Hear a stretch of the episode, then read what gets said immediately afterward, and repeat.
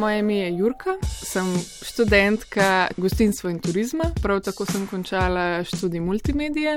V prostem času se ukvarjam s športom, sem plavalka in oblikovalka.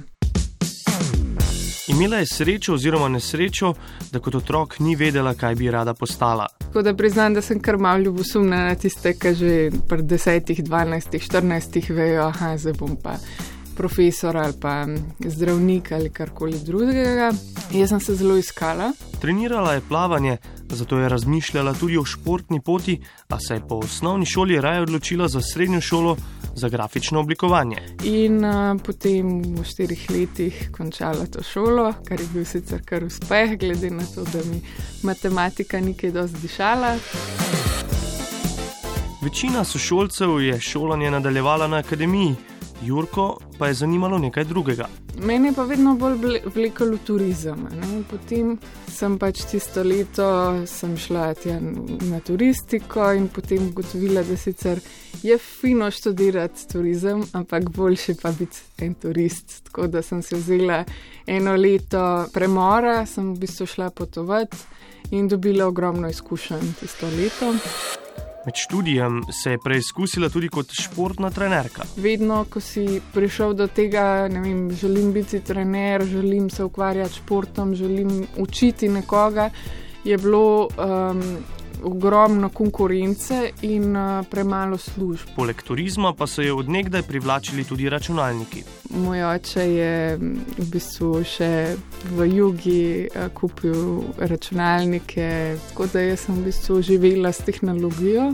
In sem tudi prej znala uporabljati računalnik, kar pa pisati, tako da v bistvu. Um, je bila ta tehnologija vedno del mojega življenja. Zato se je kasneje tudi navdušila nad študijem multimedije, ki še ni rekla zadnje besede, a za zdaj ostaja v turizmu.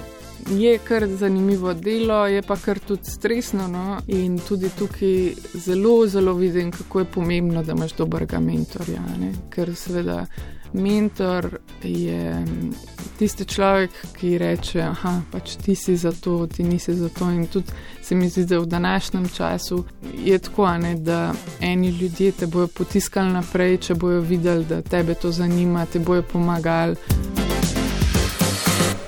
Zdaj, jaz sem se prijavila na projekt, ki, ki ima ime Marš na trg dela.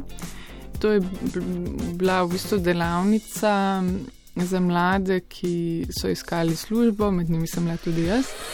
Zdaj, to, kar je bilo pred 30 leti, ne, tega ni več. Zdaj smo pač ena taka instant generacija, ki vsi hočejo, hočem zdaj, da se tole naučiš, hočemo uh, vse danes na jutr in je.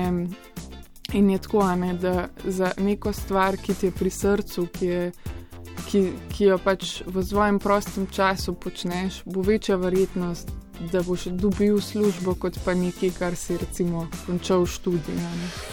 To je bila Jurka Jeran, ki je sodelovala v projektu Marš na trg dela. Zgodbe, ki jih že 60 let pišemo z Evropskim socialnim skladom.